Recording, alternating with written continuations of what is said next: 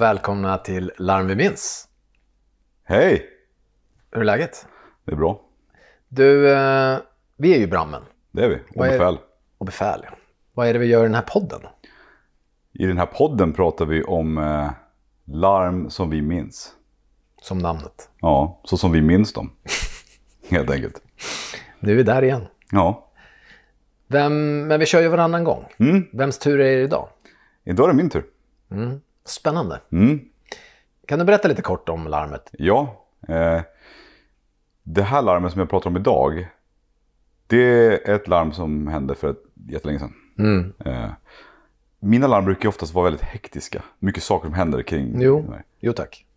Det gör inte den här, alltså inte, inte den kalibern den här gången. Nej, så man, man får lite andrum den här gången, eller? Ja, ah, det ska jag inte säga.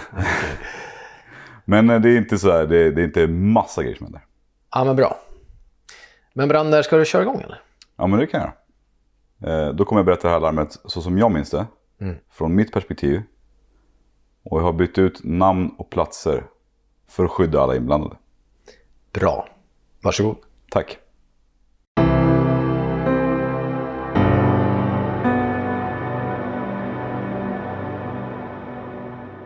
Jag har under vintern hjälpt en av grupperna på min deltidsstation med att täcka upp. Då de saknat en medarbetare. Det betyder att jag haft beredskap varannan vecka istället för var fjärde. Som det vanligtvis är. Det har ändå gått förvånansvärt bra. Sveriges deltidsbrandkårer har det i stort sett alltid tufft med att rekrytera och behålla personalen. Att jobba som deltidsbrandman är en bisyssla utöver en ordinarie anställning. Vilket gör att personalen kan behöva sluta ifall de byter arbete eller flytta från orten brandstationen finns på. Från det att larmet går i personsökaren tills brandbilarna lämnar brandstationen får det inte ta mer än fem minuter. Det krävs därför att man bor eller arbetar nära stationen. Vilket såklart begränsar poolen av potentiella deltidsbrandmän. Våren är på ingång ordentligt nu. Vintern har varit lång och det känns i luften att vi går mot varmare tider. Idag är det lördag och jag har haft en lugn vecka. Inte många larm faktiskt. Jag har arbetat på mitt ordinarie arbete som heltidsbrandman och fixat lite hemma. När jag började åka extra med den här gruppen sa de direkt. Välkommen till grupp 1. Vi åker på larm mest hela tiden. Larmfördelningen har varit lite skev den senaste tiden. Som det lätt kan bli. Grupp 1 har haft det väldigt ansträngt med larm. Medan det snarare varit lite larmtorka för min ordinarie grupp. Jag tar med mig larmtorkan till er, svarar jag med ett leende. Vilket visade sig stämma. Tillfälligheter såklart, men det var faktiskt lite kul när de efter några beredskapsveckor började fråga vad jag gjort med alla deras larm. Att jobba som brandman innebär en del motsägelser. Vi jobbar förebyggande för att antal larm ska sjunka. Då det betyder att ingen kommer till skada. Samtidigt så vill vi åka på larm. För det är det roliga med yrket. Att få hjälpa till där det behövs. Jag ska inte sticka under stol med att jag gillar spänningen också. Som oftast vid denna tid sitter jag nedsjunken i min fåtölj med Sons of Anarchy rullandes på tvn. Klockan närmar sig 11 på kvällen och mörkret har lagt sig där ute för länge sedan. Jag tänker att jag kan se ett avsnitt till innan jag går och lägger mig. Det blir två. Väl i sängen hinner jag sova gott en stund innan pipet från min personsökare och dess efterföljande röst från larmoperatören väcker mig. Prio 1. Trafikolycka singel. Jag försöker kasta på mig kläderna som ligger nedanför sängen i rätt ordning för att så snabbt som möjligt ta mig hemifrån. Tyvärr blir jag otroligt förvirrad varje gång jag vaknar av larm. Som ett fån kastar jag omkring kläderna och vet inte vad som är vad. Jag svär för mig själv och undrar hur lång tid det kan ta att klä på sig egentligen. Jag hinner kolla på klockan först när jag sätter mig i bilen. 01.15. Efter mitt påklädnadshaveri lyckas jag till slut ta mig ner till stationen för att möta upp resten av gruppen. Viktor, Andreas, Claes, Nils och Kenneth. Vi har fått information på personsökarna om att det är en man som ringt in. Han ska ha stannat då han sett en bil i vägkanten. Det ska röra sig om en mindre skåpbil som fått sladd och kört av vägen på en mindre gata i ett närliggande villaområde. Med andra ord så är det nog ingen fara spekulerar vi om när vi svänger ut från brandstationen med släckbilen. En avåkning i ett villaområde bör inte vara så allvarligt. Men det är såklart inget vi tar för givet. Jag är chaufför och framkörningen till platsen är inte speciellt lång. Det tar kanske fem minuter att åka dit och jag väljer att bara slå på blåljusen. Vi behöver inte köra med sirenen mitt i natten, tänker jag. Jag ser inte en enda bil under hela framkörningen. Och att välja bort sirenen gör att vi kan undvika att väcka alla som sover gott i sina sängar. Jag svänger in på en smal gata som leder till villaområdet och kör ungefär 500 meter tills vi ser en bil stå på vägen i en korsning med varningsblinkers på. Det måste vara personen som stannat och ringt in larmet. Att se varningsblinkers på väg till en trafikolycka brukar vara ett bra sätt för oss att lokalisera hur nära vi är. Där är det, säger Andreas från baksätet. Vi får se vad vi har här då. Andreas åker rökdykarledare idag. Eller losstagningsledare, som vi säger på trafikolyckor. Hans uppgift blir att leda eventuell losstagning av skadade personer som sitter fast. När vi kommer närmare så ser vi taket på en mindre skåpbil i diket. Inga andra bilar syns i området, mer än den med varningsblinkers. Mörkret ligger tungt över platsen och jag kan inte se mer av bilen än att den står konstigt. När vi kommer upp över ett krön ser jag olyckan tydligare.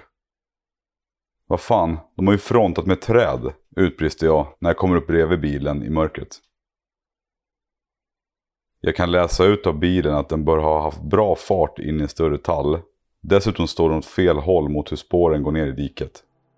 Så bilen måste ha vridits 45 grader. Jävlar, det där ser inte bra ut, säger Viktor när vi passerar bilen.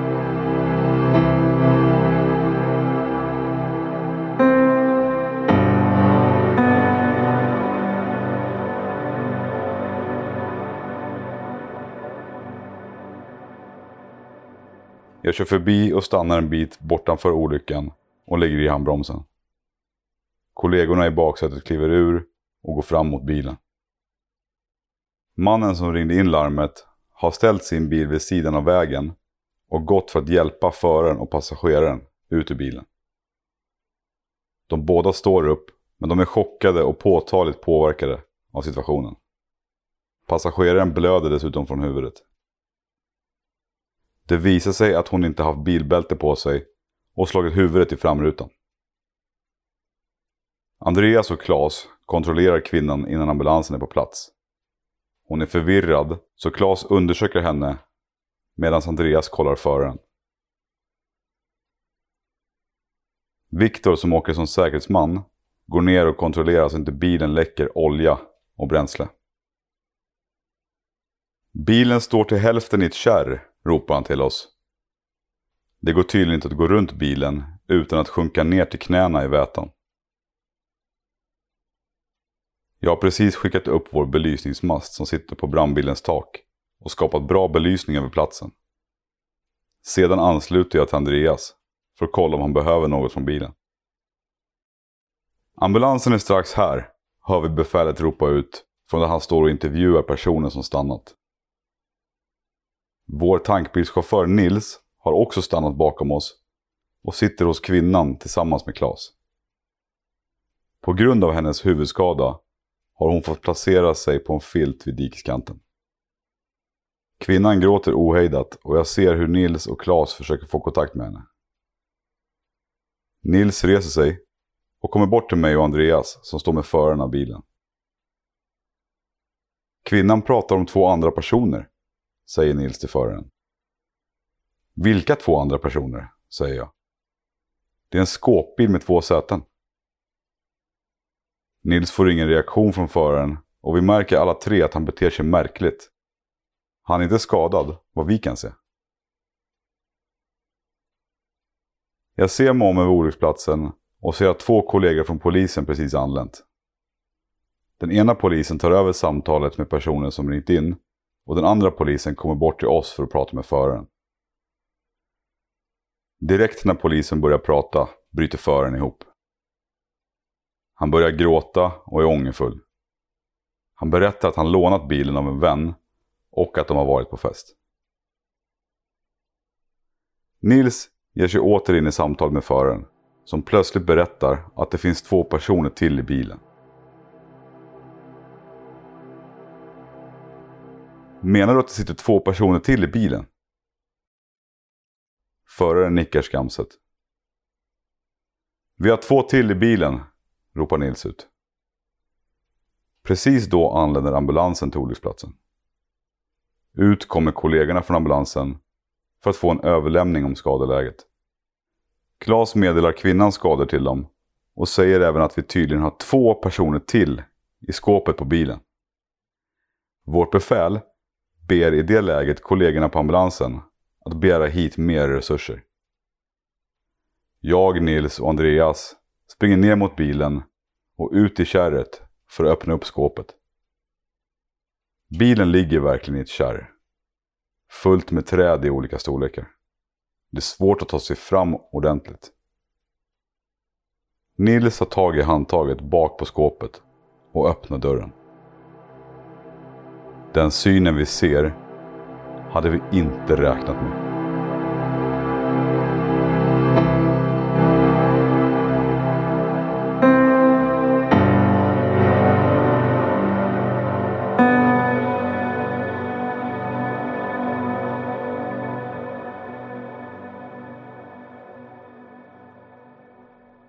Var i sjukvårdspersonal hit nu, ropar Nils. När vi kommer fram och ser in i skåpet blir jag chockad. Jag har försökt att ställa mig in på vad som väntade. Men detta hade jag aldrig kunnat föreställa mig. I skåpet sitter två personer. Den ena gråter tyst och försöker få kontakt med den andra. Som sitter utsträckt med ryggen, lutad mot skåpsidan och benen rakt ut. Huvudet däremot hänger tungt ner. Det ligger verktygsväskor och verktyg huller om buller. Det ligger även en större plåthink med tillhörande pump på golvet. Sakerna och golvet är täckt av blod. Personen som gråter måste vi hjälpa ut ur skåpet. Hon är skadad, med mestadels ytliga sår. Hon vill inte lämna skåpet så länge hon inte vet vad som hänt hennes vän. Till slut lyckas vi övertala henne att lämna skåpet. Hon är svår att få kontakt med och hon pratar bara om hur hennes vän i skåpet mår. Vi kan inte säga så mycket utan förklarar att vi ska ge hennes vän den hjälpen han behöver. Kollegan från ambulansen kommer ner och tittar in i skåpet.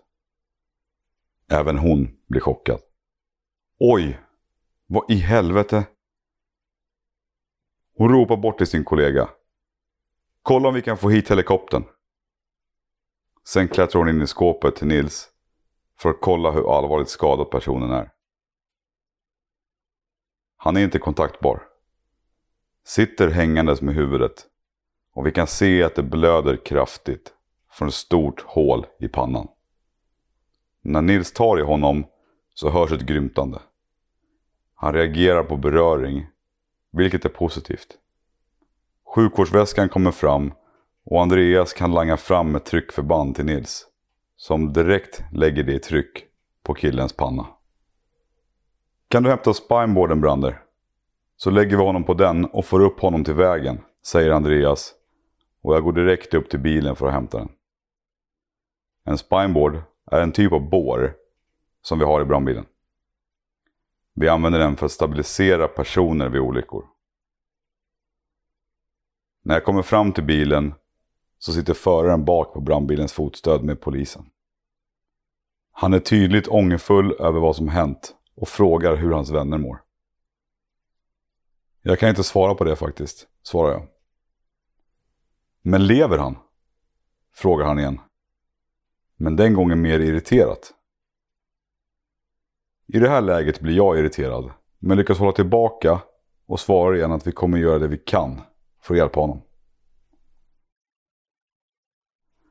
När jag kommer ner med vår spineboard till bilen igen så hör vi på ambulansens radio att helikoptern är redo i närheten. Och den kommer inom kort. Vilken jävla tur. De måste ha varit i luften, säger Andreas. Ena tjejen från ambulansen säger att den precis lyfter från sjukhuset och kommer om några minuter. Några minuter, tänker jag. Den där helikoptern är bra snabb.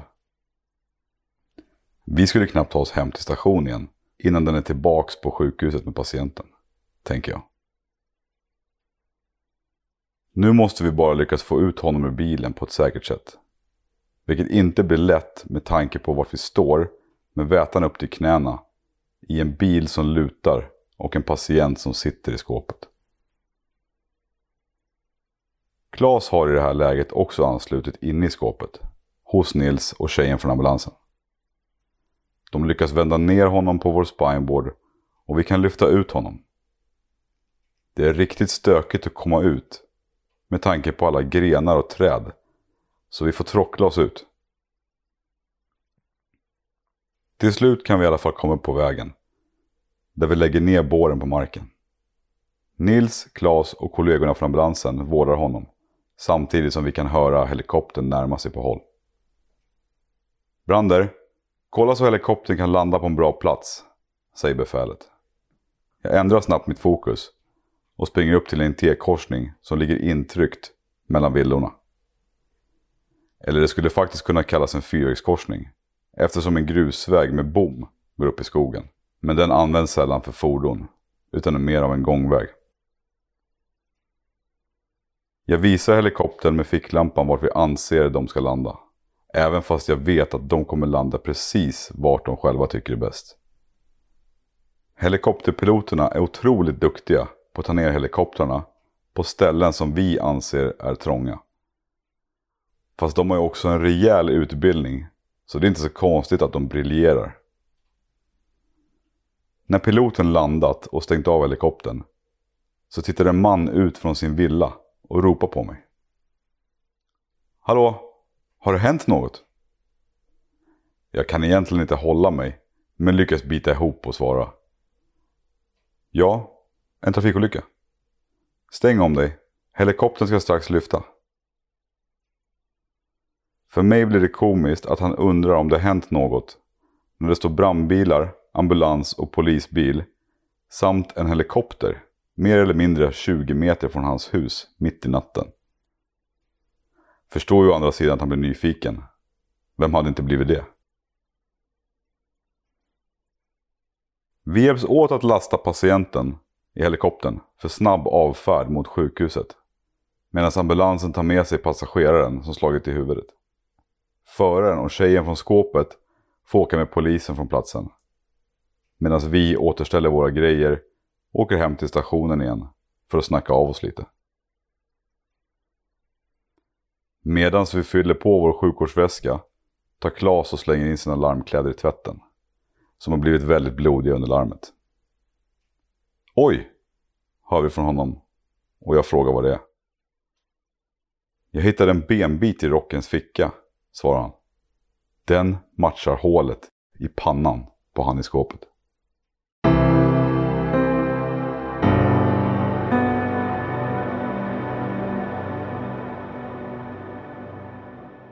Tack Brander. Mm, men tack. Du, eh, hur kändes det att vara på det här larmet? Mm, men det var, det var speciellt. Eh, det är liksom en, en trafikolycka. Eh, det åker vi på rätt ofta. Och jag menar en singelolycka i ett villaområde. Det är lite som jag nämner in i storyn här. att Det ska inte vara någonting egentligen. Alltså, vi åker ofta på trafikolyckor där det egentligen inte är någonting för oss att göra. Nej, exakt. Eh, Speciellt när, när vi hamnar i en villaområde eller så. Ja, Då är det ju Det är inte några farter liksom. Nej, det blir ju inte det. Och det blir inte så mycket skador. Nej. Men eh, hej, ibland är det ju det. Ja, ibland är det det. Mm. Och den här gången har det ju uppenbarligen gått rätt fort. Liksom. Mm. Ehm, men, nej, men det, var, det var speciellt och, och framförallt när vi liksom kommer fram och ser hur bilen ser ut. Då kan vi läsa olyckan och se ju att eh, oj, eh, här har det verkligen hänt något. Liksom. Ja. Sen när vi får det här beskedet också sen att det finns två personer till i bilen. ja, precis. Jag tänkte ju på det. Det är ju väldigt tydligt twist här. Ja, Eh, vi hittar ju två personer till mm. i skåpet. ja men precis. Jag tänker att ni kanske har liksom börjat tagga ner lite. Att ni känner att ni har koll på läget. Mm. Och så dyker det här upp. Absolut. Hur var det liksom att gå upp på tå igen? Ja, men det var en, en omställning för alltså, bara av att läsa bilen när vi kommer fram och se att ja, men det här är ju alltså en, en tvåsitsig mindre skåpbil. Så att det, liksom, det, det ska inte finnas plats för fler. Nej. Eh, eller det gör ju inte det. Nej, exakt. Och när vi då- då får veta att, den här bil, att det finns personer kvar i skåpet på bilen. Då blir vi liksom, oh. Eh, med tanke på hur vi har läst olyckan innan så inser vi att det kan inte ha gått bra att sitta där bak. Liksom. Nej, just det. Så att, nej men vi vart ju verkligen, vi fick ju tagga till ordentligt igen. Och, och när vi öppnar upp skåpet där bak och, och ser, alltså det vi ser när vi tittar in i skåpet, nej, det, då blev det ju bara jobbigt liksom. Mm. Det här var ju tufft att jobba med liksom. Mm. Den ena personen här, den här tjejen sitter i bakskåpet och, och är ledsen. Hon, hon är ju omtumlad. Mm. Och vi märker att hon är liksom, hon är, hon är, blir påverkad av det här liksom. Av en, hon, har fått, hon har fått stryk om man ska säga så, i bilen såklart. Men den andra personen, Mm. det är ju liksom, han är ju, han är ju borta liksom. Ja, jag tänker att det sitter ju två obältade ungdomar i ett skåp fullt med verktyg. Ja, Och den här bilen kör in i ett träd. ja, Vilket gör ju att den här bilen tvärstannar ju. exakt. Och då händer det ju saker i skåpet. Precis som Ja. det händer där fram där man ska sitta. Och den här plåthinken som är i det här skåpet, det är alltså en form av, eh, det är alltså en, plåthink som är fylld med någon form av eh, typ fett eller någonting. Alltså Ah. maskinfett eller något sånt. Okej. Så det är en tung hink. Okej. Alltså vi snackar ju, jag vet inte, 5-10 kilo liksom. Men jag tänkte på den här bilen, den är också i ett kärr. Ja, Och precis. det innefattar väl vatten? Ja, eller det är, no, det är ju verkligen så här, ja men va- vatten... Eh, Typ. ja, det är ju så här fattar. sumpmark liksom. Ett riktigt kärr helt enkelt. Ja. Ja, ja för jag tänker det måste vara svårt att röra sig och sådär. Det var ju jättestökigt. Ja. Alltså, att bara komma åt det här skåpet. För, jag menar, tänk dig skåpskanten eller kofångarkanten bak på bilen. Mm. Den är ju typ i nivå med liksom det här sumpmarken. Liksom. Mm, Okej, Den har liksom sjunkit ner i det här. just det. Så det är svårt att röra sig där. Mm. Men du, eh, hur gick det för de här ungdomarna? Vet du det? Eh, alltså jag vet, jag vet ju hur det gick för en av dem. Ja. Och det är faktiskt den personen som eh, sitter i skåpet och är, blöder från pannan. Mm. Eh, och jag har faktiskt träffat honom senare. Mm, Okej. Eh, jag har en, eh, en god vän till mig som känner honom. Mm. Och känner framförallt hans liksom, umgängeskrets lite grann. Mm.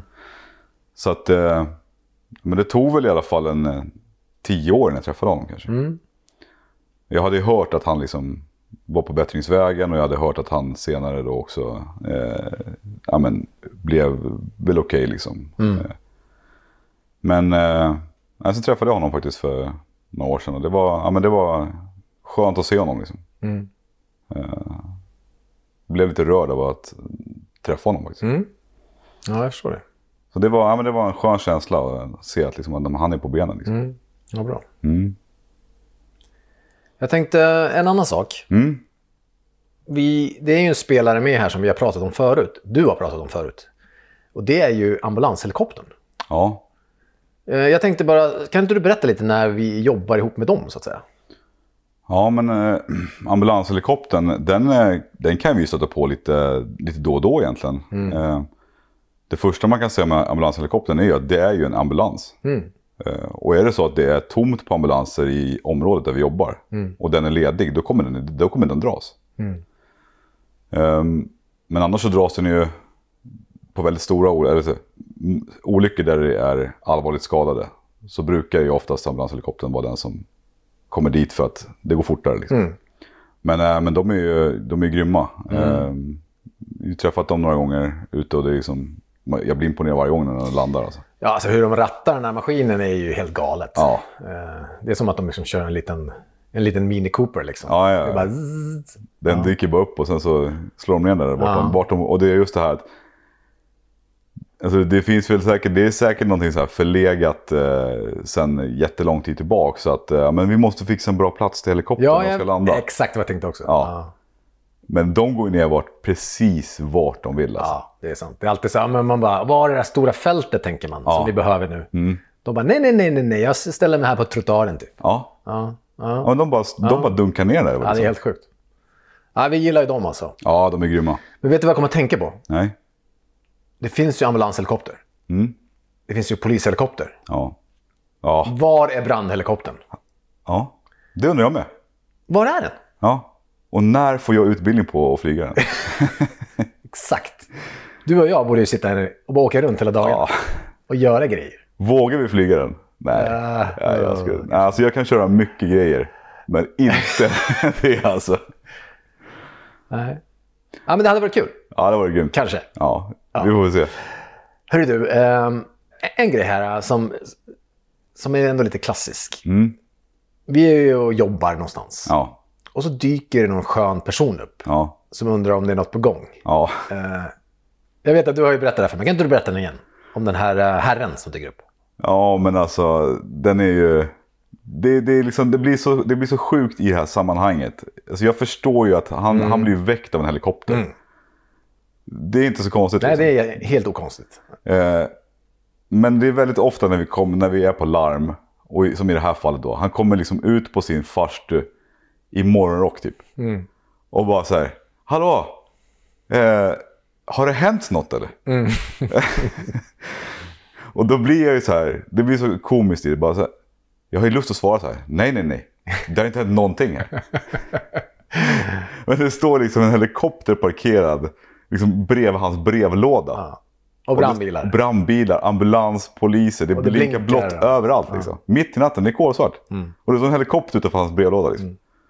Det blir så, det blir så kul i liksom hela, ja, men, har det hänt något?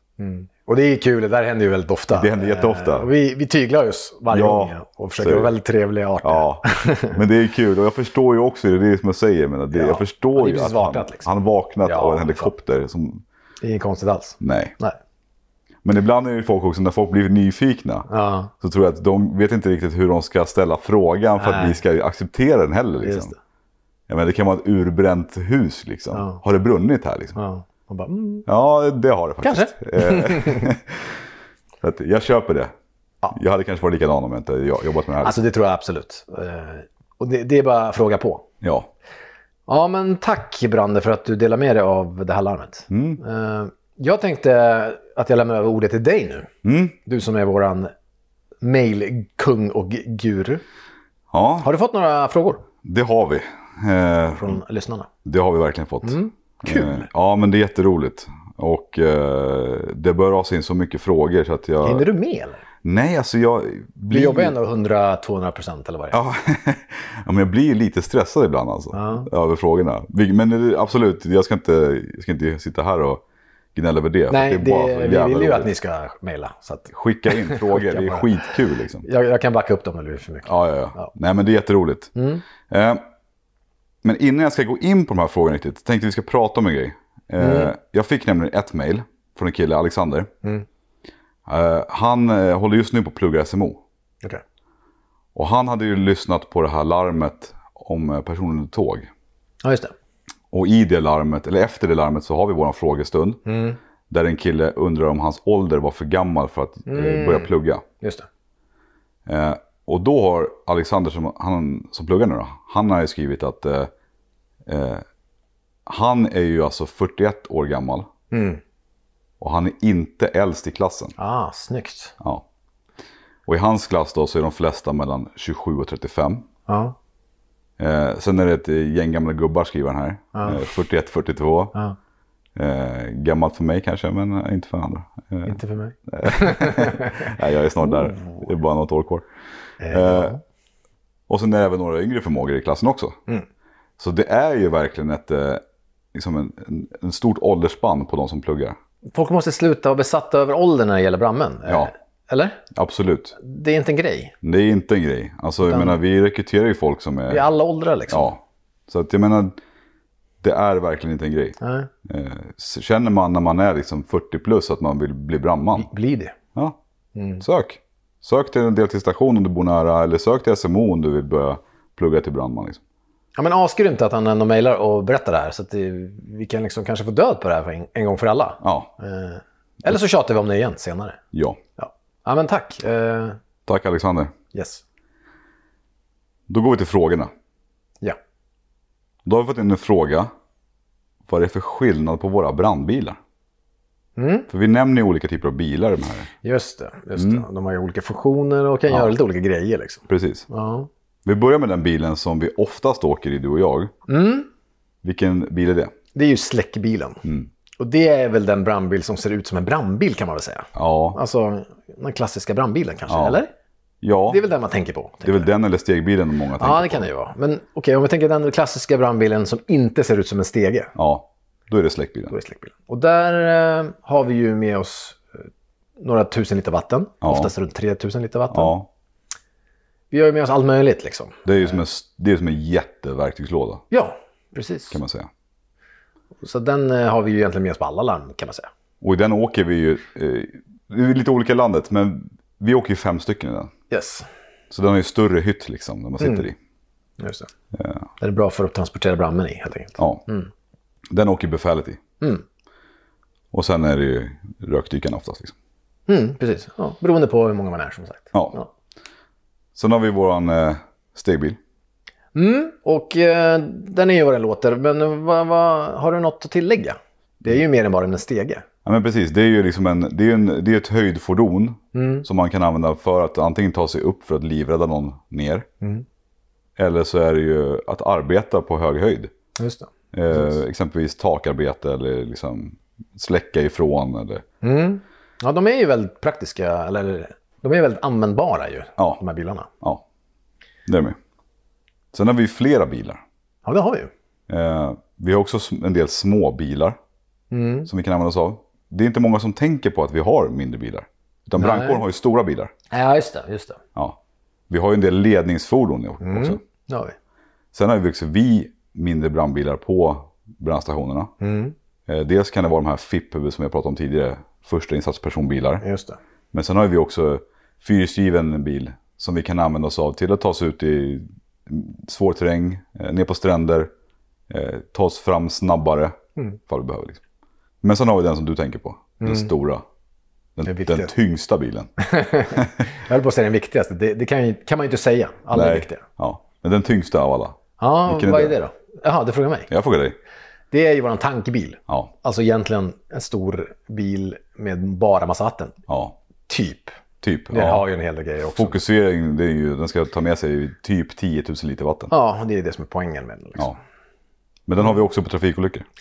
Det har vi faktiskt. eh, Det är så- kanske också olika landet. eh, Men eh, den är ju väldigt bra som ett skydd Ja, att ha med sig på trafikolyckor. Då har vi det som ett skydd mot trafiken helt enkelt. ja. Att inte bli påkörd, att inte Ja. vi ska bli påkörda av Den någon. är ju väldigt tung och står sig väldigt bra. Ja, Därför har den också en eh, stor skylt på sig ibland. Ja. Mm. Eh, Våra har det i alla fall.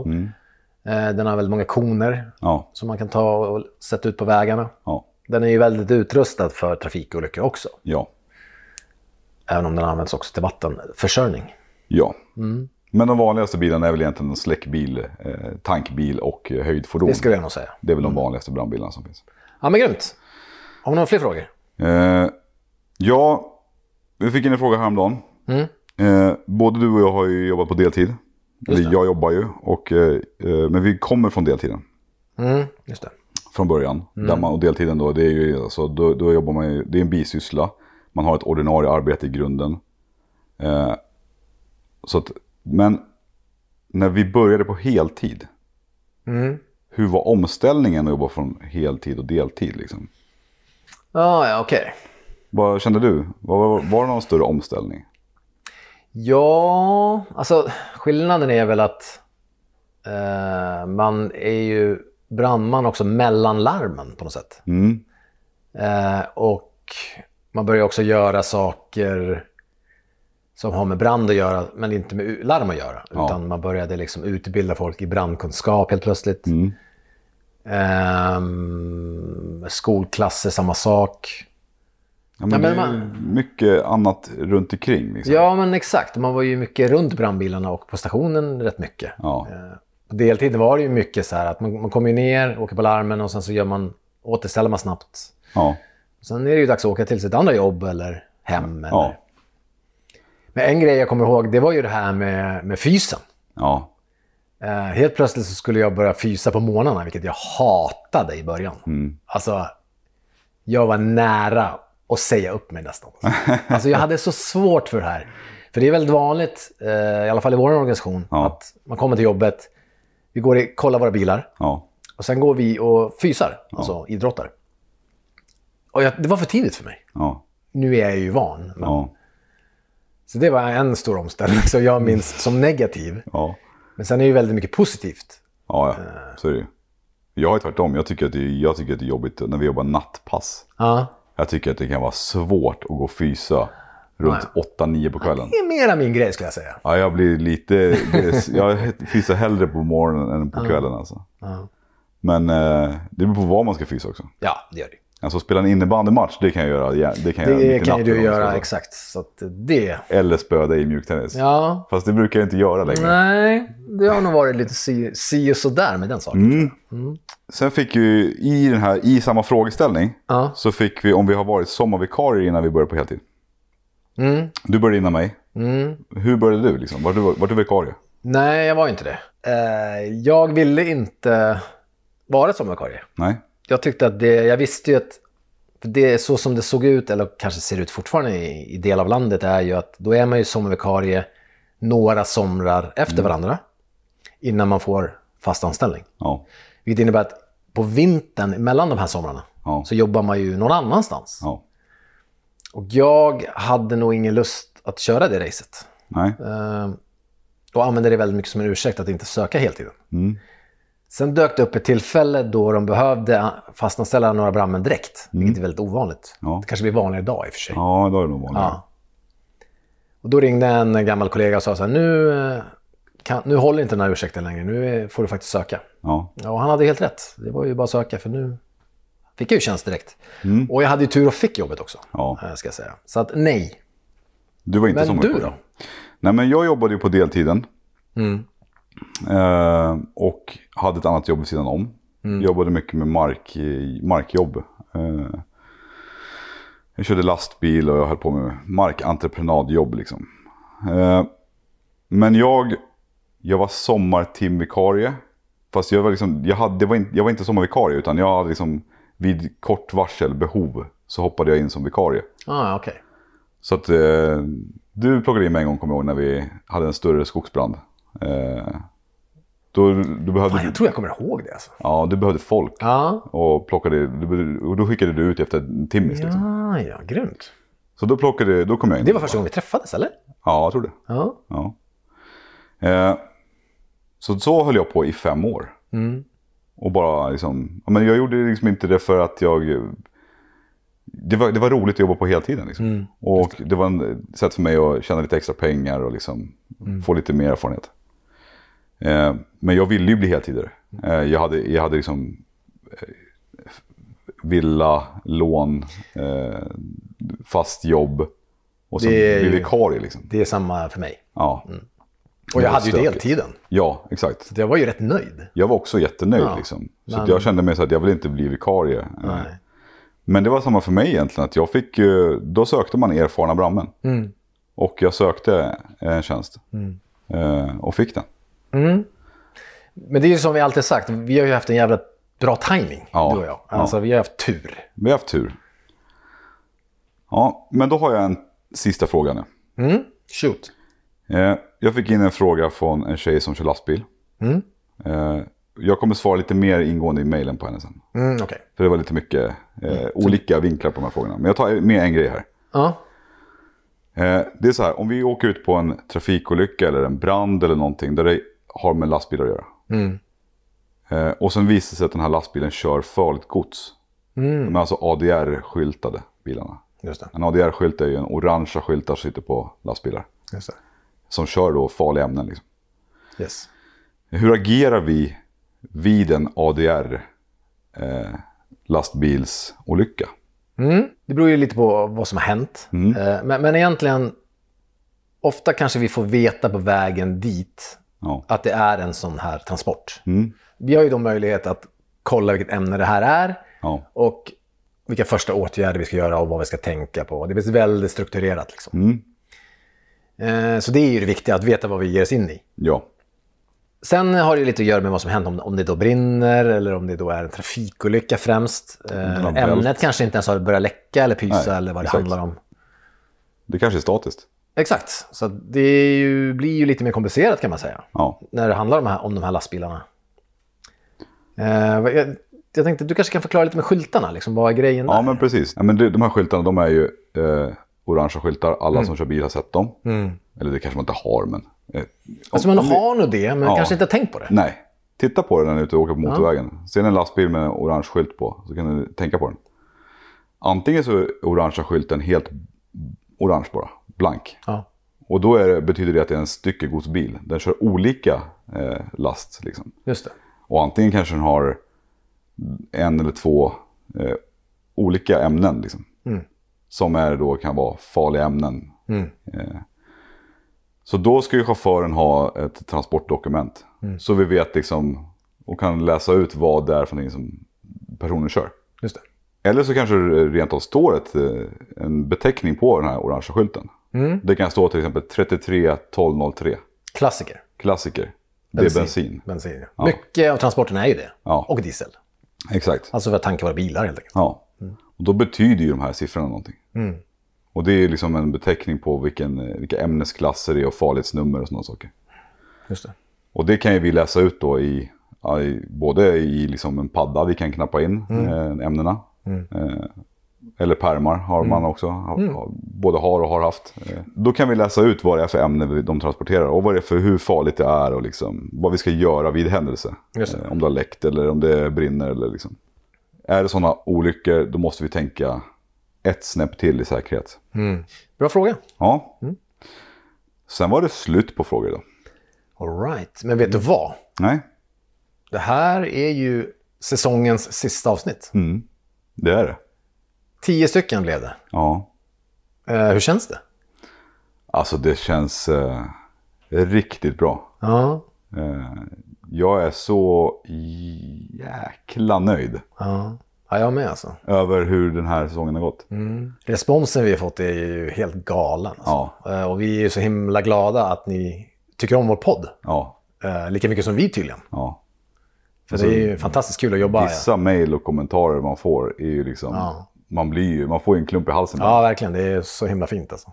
Det är lite overkligt. Kul att få hänga med dig ibland faktiskt. Ja. Det är ändå en ursäkt för oss att träffas. Ja, Det är ju vi träffas inte tillräckligt på jobbet tycker jag. Men det här är lite annat. Ja, men det här är lite mer avslappnat. Det här är liksom- vår grej. Det här är vår grej. Ja. Ja. Sen är frågan våra kollegor, våra kollegor hur mycket de tycker om att vi surrar om podden. De, vi gör ju det en hel del. Ja, de är nog rätt less nu. ja, men de har också varit väldigt toleranta måste jag säga. Ja, men de har också varit väldigt fina. Ja, de är ju alltid fina. Så att, eh, nej men jag är jättenöjd med den här säsongen. Och lyssnarna har ju varit fantastiska. Ja, Eh, ska vi tacka vår medproducent också. mm, Malin, Malin, ja. Hon Ja. är grym. hon är grym. Utan henne hade det inte hänt. Nej. Men nu låter det som att vi säger adjö, vilket vi ju inte gör. Nej, vi kommer ju komma tillbaka. Ja, Mm. med en ny säsong. Ja, Men vad ska man göra då för att inte missa när vi kommer tillbaks? Framförallt ska man inte, eh, eller framförallt så ska man ju följa oss på sociala medier. Mm. Facebook, Instagram, Larm minns. Yep. Gå in där. Det kommer ju hända grejer där också mellan säsongerna. Liksom. Ja, menar, det rullar på. det rullar på. Och sprid det podden till era vänner. Liksom. Mm. Eh, sen ska man ju absolut följa oss i sin poddapp. Ja, det är nästan viktigt nu när vi tar en paus här. Ja, Så att, man, så att liksom, så fort vi släpper nytt, då plingar det till. ja, Och vi kommer inte vara borta länge. Ni behöver inte vara oroliga. nej. Vi Vi behöver... har redan börjat jobba på nästa säsong. ja, ja. Och den, jag tror den kommer bli ännu bättre faktiskt. Det tror jag med. Ja, Alltså vi har ju, det här är inte, vi har inte dragit de bästa larmen. det har vi faktiskt inte gjort. Nej. Det är ju egentligen helt sjukt. Det finns mycket kvar. Ja, ja men det är kul. Ja. Nej, men jag är supernöjd. Eh, Stort tack till alla som har lyssnat. Ja, verkligen. Brander, eh, tack för idag. Tack själv.